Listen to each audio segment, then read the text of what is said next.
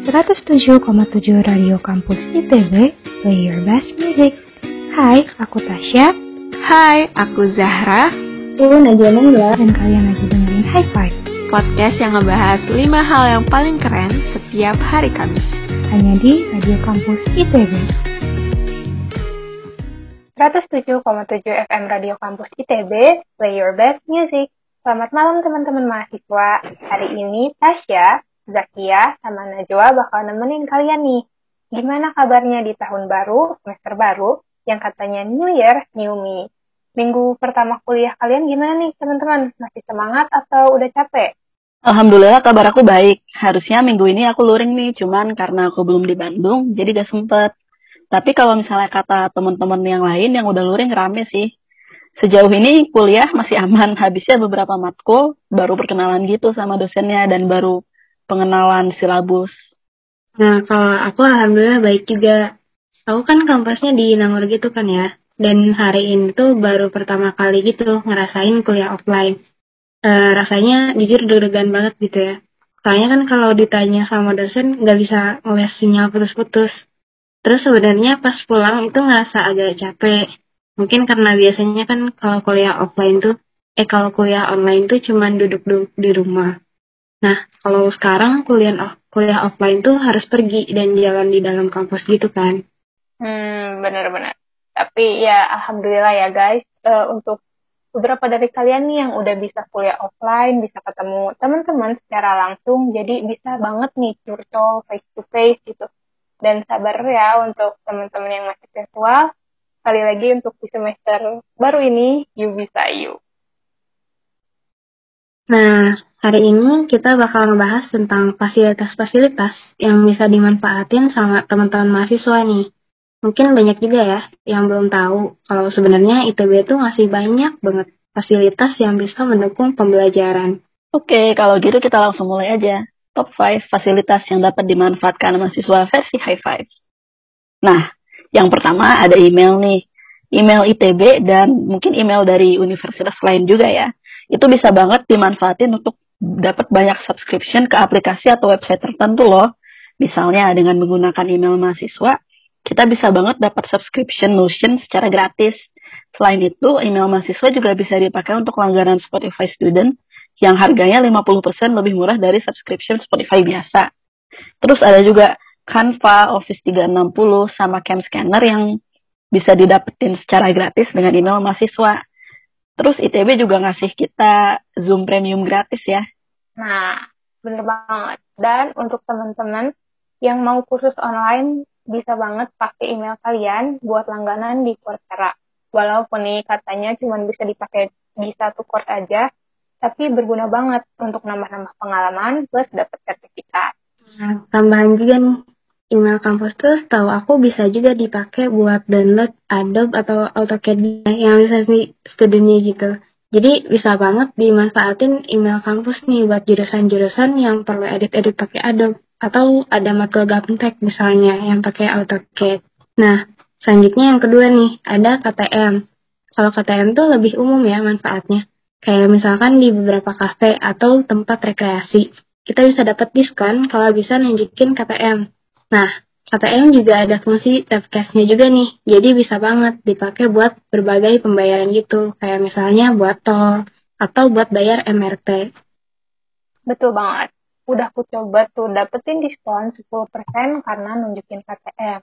Tapi aku paling iri nih sama teman-teman yang udah gunain KTM untuk naik, naik MRT atau transportasi lain yang pembayarannya pakai tap cash atau ICO gitu lebih tepatnya sih aku iri sama kalian yang udah naik MRT.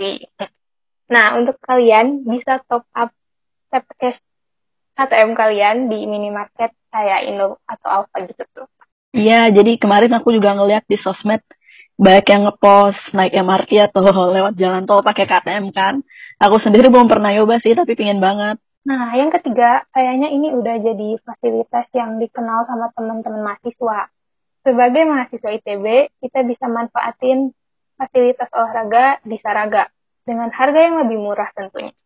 Contohnya ada membership gym mahasiswa yang harganya biasanya lebih murah dari membership umum. Kan lumayan tuh duitnya bisa kita pakai untuk jajan. Dan sebenarnya aku ingin banget nih pakai fasilitas olahraga even usia kita muda tapi badan renta gitu. Khususnya kolam renang. Kan kapan lagi kita bisa olahraga dengan fasilitas yang memadai tapi murah. Plus, aku sebenarnya sedikit bersyukur lah gak menikmati saraga waktu matkul olahraga. Kan ada nih, apa ya, kayak kegiatan keliling keliling saraga enam kali gitu kan ntar kelihatan banget bengeknya ya. Untuk sekarang tuh teman-teman yang mau ke Saraga bisa isi semacam link RSVP-nya dulu ya teman-teman. Nah, bener banget tuh. Selain biar fresh, kita juga harus tetap sehat kan selama kuliah. Jadi Saraga tuh bisa banget dijadiin tempat yang pas buat sekedar jalan atau jogging biar tetap sehat. Dengan harga yang murah juga bisa dapat banyak fasilitas. Jadi udah pasti worth it banget deh pokoknya. Iya banget. Aku juga setuju sama Caca sih, walaupun pingin pakai fasilitas olahraga, aku bersyukur pas mata kuliah olahraga kemarin masih dapet yang online, jadi gak perlu keliling trek lari di Saraga enam kali. Aku pingsan ya. Nah, kayak yang udah dibilang Najwa tadi, Najwa sama Tasya tadi, Saraga juga baru dibuka setelah beberapa waktu kemarin tutup karena COVID. Jadi buat teman-teman mahasiswa yang mau lebih sehat atau mau ada kegiatan aja, boleh banget tuh Nah, yang keempat ada fasilitas yang benar-benar penting dan bermanfaat untuk semua mahasiswa. Perpustakaan. Perpustakaan ITB itu punya banget koleksi yang bisa teman-teman mahasiswa manfaatin. Mulai dari textbook, buku fiksi, atau buku referensi. Selain itu, perpustakaan ITB juga nyediain e-journal dan e-book yang dapat diakses pakai email ITB. Aku sendiri kemarin udah sempet nih dua kali ke perpustakaan dan enak banget. Kita harus ngisi semacam link reservasi gitu sebelum masuk dan karena perpustakaannya juga terbatas cuma untuk 100 orang kalau gak salah jadi enak banget sepi dan bisa belajar di situ nah bener banget tuh kayak artikel atau jurnal dari penerbit luar kayak Jen Wiley juga bisa banget diakses di perpus ITB jadi di web ITB perpus itu enggak cuma ngeakses file buku, textbook, atau macam-macam buku yang cuma ada dari perpus, tapi kita juga bisa ngeakses uh, berbagai macam buku atau artikel lain yang ada dari penerbit luar gitu. Dan itu tuh bisa diakses pakai VPN gitu guys. Nah ini banget perpustakaan yang jadi hot place untuk teman-teman yang mau ngampus ke ITB, tapi dari prodinya nggak ada kuliah offline. Sabi banget masuk ITB dengan alasan mau ke perpus. But as always, kayak kata Vicky barusan, untuk nikmatin fasilitas ini, di masa pandemi, self-service dulu ya guys. E-journal dan e-book juga bisa kalian jadikan referensi buat tugas, makalah, and paper prep. Nah, last but not least, bimbingan konseling. Selama kuliah daring kemarin, BKITB itu kan cuma ngelayanin konseling lewat Zoom gitu ya. Nah, tapi kabarnya sekarang BK udah bisa ngelayanin konseling tatap muka loh.